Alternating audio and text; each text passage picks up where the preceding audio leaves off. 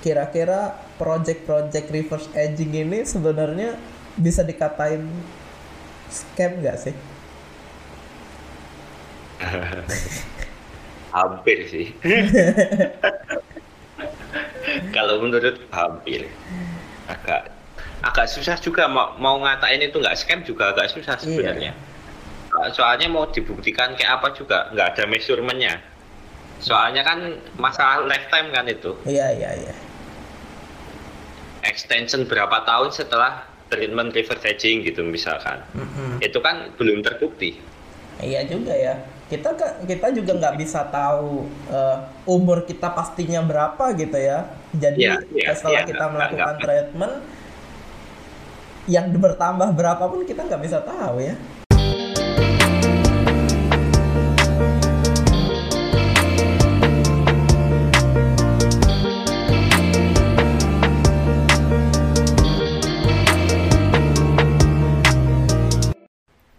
Halo dan selamat datang di Jasa Training Podcast bersama saya Punta dan rekan saya Miftah. Podcast yang Yo. akan membahas masalah-masalah berkeluh kesah di bidang bioscience. Oke. Emang ini apa? Apa podcast ini? Jasa Training kan? Oh iya.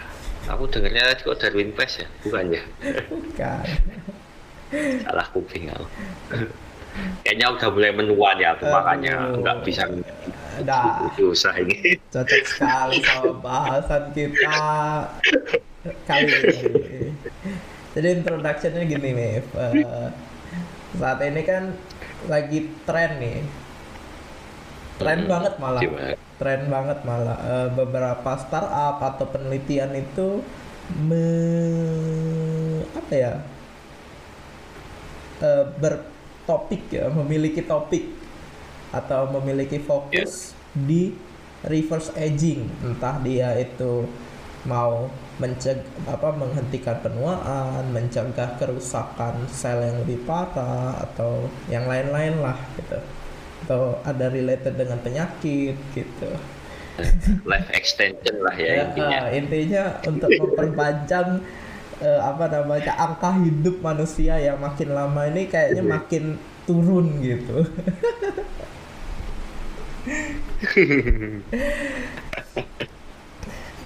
tapi Tapi sebenarnya apa itu tren itu nggak cuma di startup coy.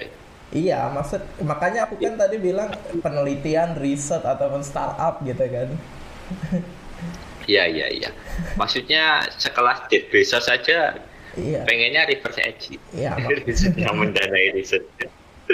ya mungkin mereka eh, orang-orang nih mulai sadar nih kita nih makin tahun kok manusia nih rentan hidupnya makin menurun nih ke Iya.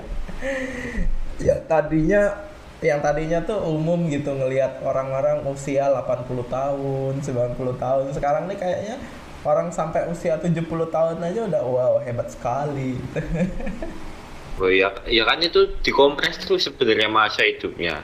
Pencapaian yang dulu dulu orang-orang dulu butuh berapa tahun, sekarang anak-anak muda tuh udah kelihatan hebat-hebat kan. Wes, 20 tahun Makanya sukses di usia 20 tahun ya sekarang ya iya, sekarang saya di usia 20 tahun, mati di usia 40 tahun.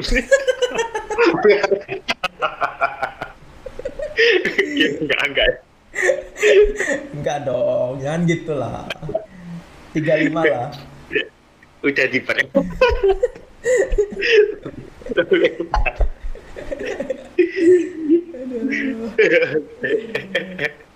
Ya kan sekarang kan banyak nih apa project-project terkait reverse aging nih. Salah satu salah dua sih, salah dua yang paling ditarget dalam reverse aging ini kan eh, DNA methylation sama ya, betul. histon ya, histon ya. Histon protein itu.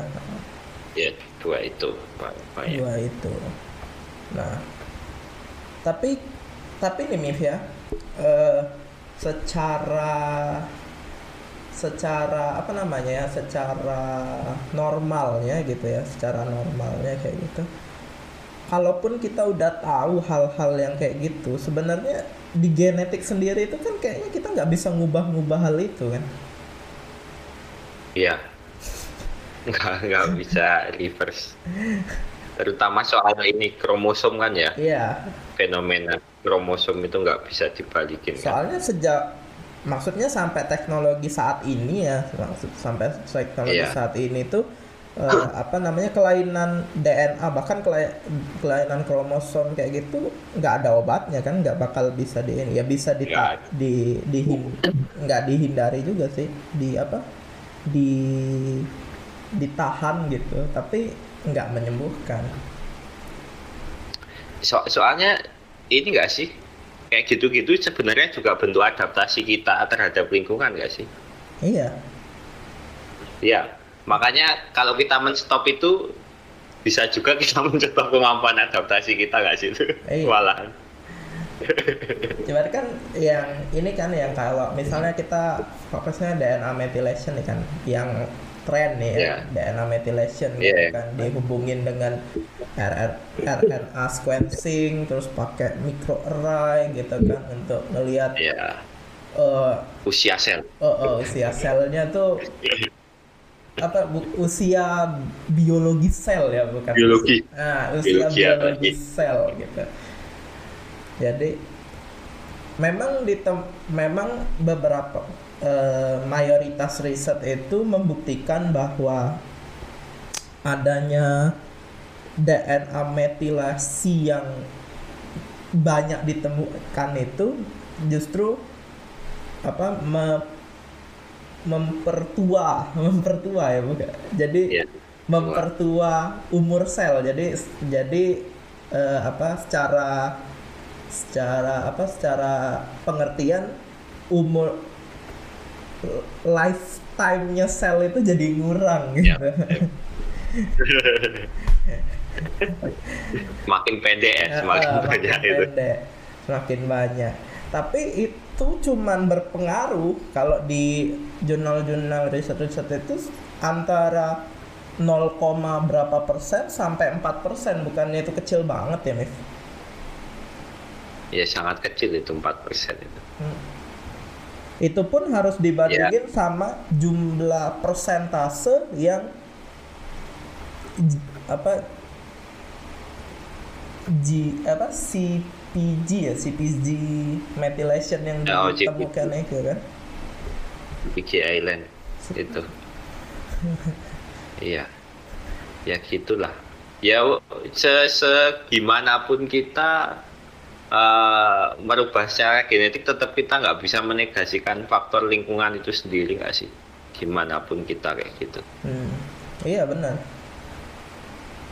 susah maksudnya dulu dulu dulu eranya orang itu berumur serat, sampai 150 tahun dengan sekarang kan juga kondisinya udah beda jauh Iya. banget itu Jelas kan ya kita anggap aja kita anggap aja ini secara umum gitu kan radikal bebas tambah gede gitu kan.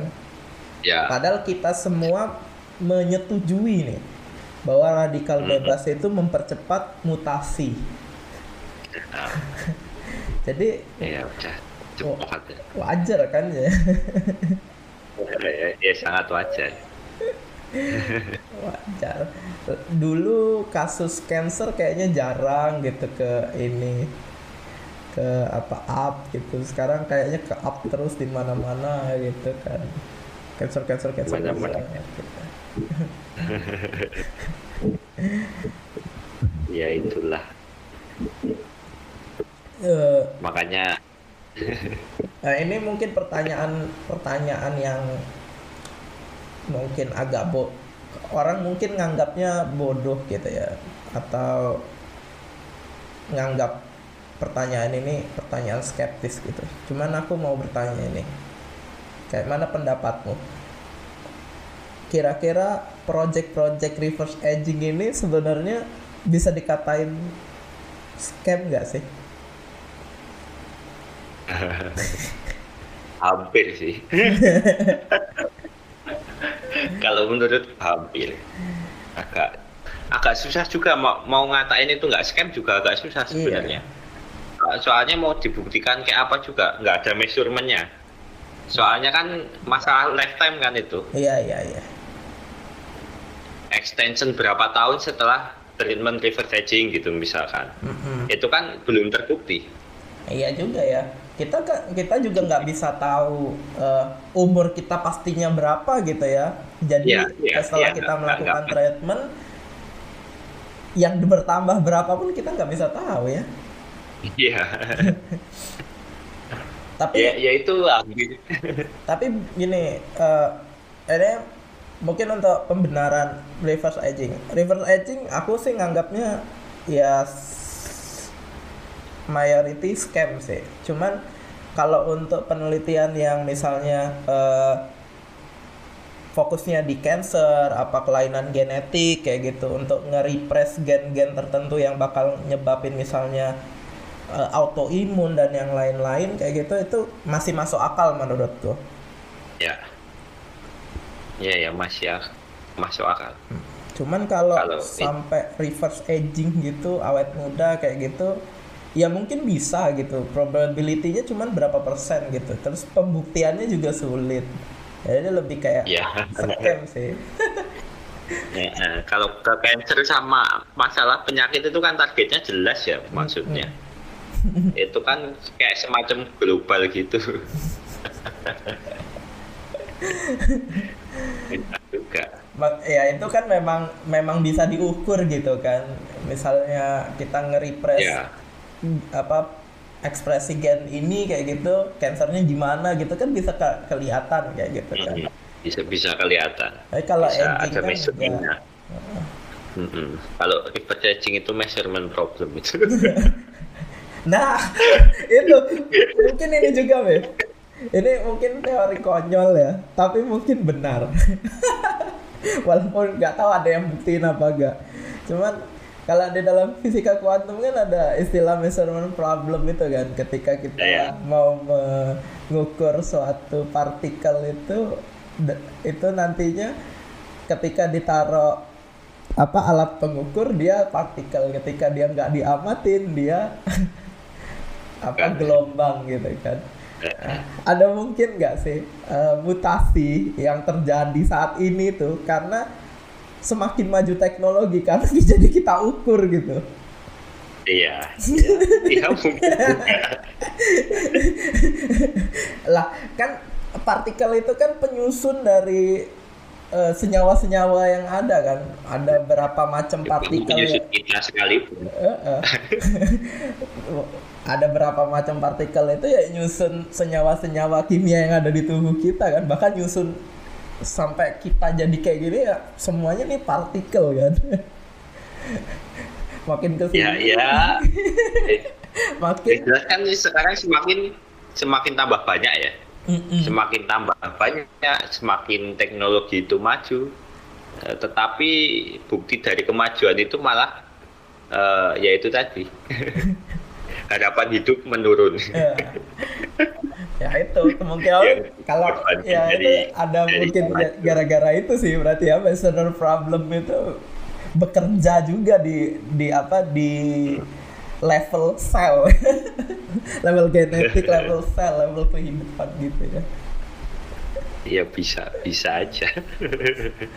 soalnya gini mungkin mungkin ini nggak ada ini ilmiahnya mungkin nggak ada researchnya gitu nggak ada papernya gitu cuman dari sekian banyak kasus cancer yang eh, teman-temanku atau keluarga terdekat alami gitu itu baru bertambah parah ketika ketahuan kalau itu cancer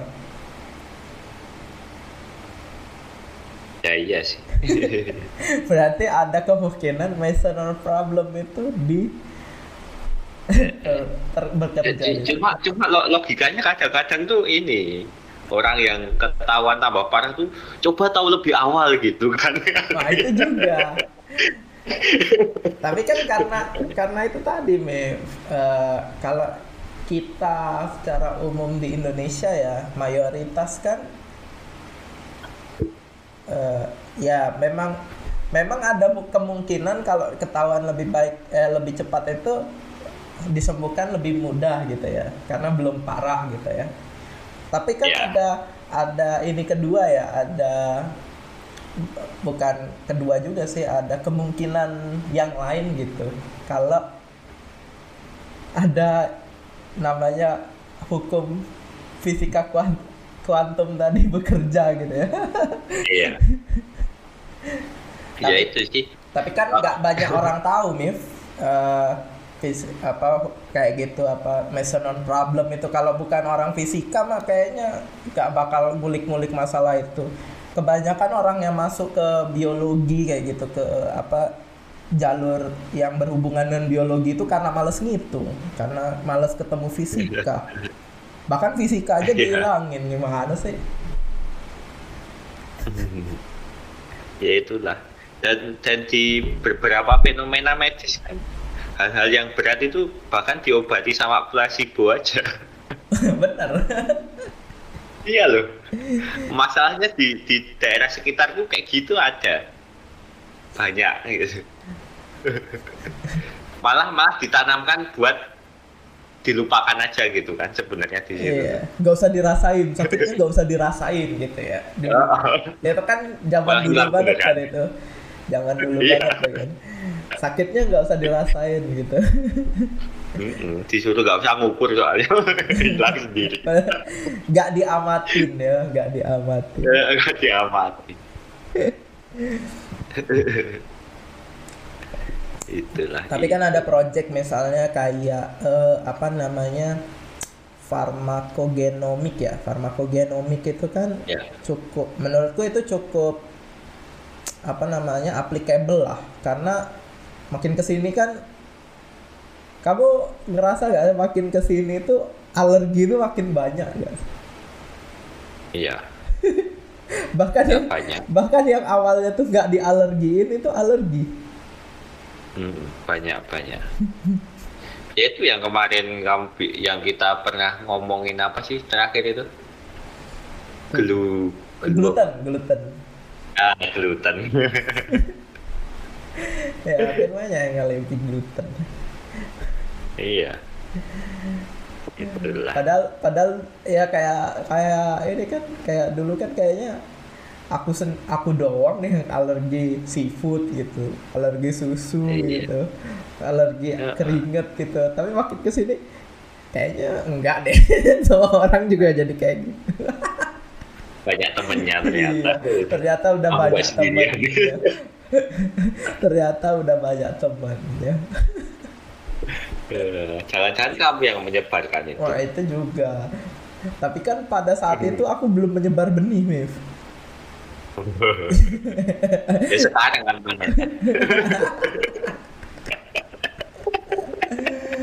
aduh. Eh, itulah itu. Hmm, tapi ya itu sih Eh, mungkin kalau dari sisi bisnis itu cukup seksi tetap Pak. ah, iya sih. Soalnya soalnya kalau orang-orang kayak Jeff Bezos gitu kan udah bingung juga duit buat ngapain kan ya. Penting hidup lebih panjang aja. Iya juga sih. Soalnya kebanyakan orang-orang zaman sekarang kan ini apa biasanya tuh baru punya duit banyak di usia 30-an gitu kan. Padahal iya. rentan hidupnya 50 gitu misalnya tinggal 20 Eh. tahun gitu kan. Aduh harus panjangin nih kurang kurang asik. Iya. Iya kan? Iya sih masuk akal dulu aja kayak KFC aja logonya tua baru ini. Hmm. apa baru sukses itu Wis. Iya. sekarang ini suksesnya di usia muda tapi nggak nyampe tua. Gimana aduh gelap gelap gelap itulah tapi sebenarnya dibanding ya itu tadi sih bisnis ya ya. Tetap ke bisnis ya. Ya. Soalnya kalau bisnis tetap cukup seksi itu. seksi banget sih bisnis karena Nah, ya orang ketakutan orang itu ya jadi tua Nah. kematian gitu ya itu ketakutan semua orang sih. Karena itu pasti gitu ya. Iya. Ya rumah sakit dokter kan jualnya ini ketakutan. Iya, jualannya. Ya itu sih. Apalagi. Ya, jadi cukup seksi sih emang. Jadi orang tapi ada ini sih ada yang oke juga sih dari project project reverse aging ini. Walaupun jadinya keluar dari project reverse agingnya tapi jadi tahu beberapa gen yang tadinya nggak ke ini nggak apa nggak ter teramati lah ya ter nggak kita aware gitu ya beberapa Yeah. beberapa gen yang nggak kita aware itu jadinya oh tahu oh ini tuh bakal diturunkan kayak gitu dan menyebabkan misalnya peningkatan resiko autoimun apa segala macam gitu karena kan pada Hmm. dasarnya gen kita semua semua eukariotik ini kan dari terkumpulnya kan terbentuknya dari potongan virus bakteri lain-lain. iya dari puzzle dari puzzle jadi ya, mungkin mungkin kita bakal kembali ke ini lagi single cell lagi aduh. Lah kalau reverse aging aging aging reverse terus reverse terus nanti kita balik ke situ gimana? Iya tahu-tahu udah independen sel-sel kita iya. Jadi jadi nggak bisa menikmati hidup juga kan ujung-ujungnya Independence Day pada ini memerdekakan diri masing-masing. Gue merdeka. Bukan. itu itu reverse aging yang kebablasan ya bahkan sampai ke asal usul sel ya dia dia nge-reverse sampai ke asal usul kehidupan goblok Hmm. Gitulah. Ya tapi ya cukup seksi jadi ke siapa siapa yang mau nge-invest yaitu ladang yang basah karena nggak perlu ngeklaim nggak bisa diukur masalahnya Eh, Nggak bisa diukur. Eh, eh. Kalau dibilang Jual- scam jualan. juga nggak bisa dibilang 100% scam karena ada risetnya. Iya. Bisa dibuktikan terbalik secara ilmiah tapi nggak bisa diukur. Udah gitu doang. Nggak bisa di measure. Oh ini beneran reverse. Oh, oh. ya mungkin itu dulu lah pembahasan jasa training podcast episode kali ini. Sampai jumpa di jasa training podcast episode berikutnya. Saya Punta dan rekan saya. Tahu. Sampai jumpa. Bye-bye. Bye bye.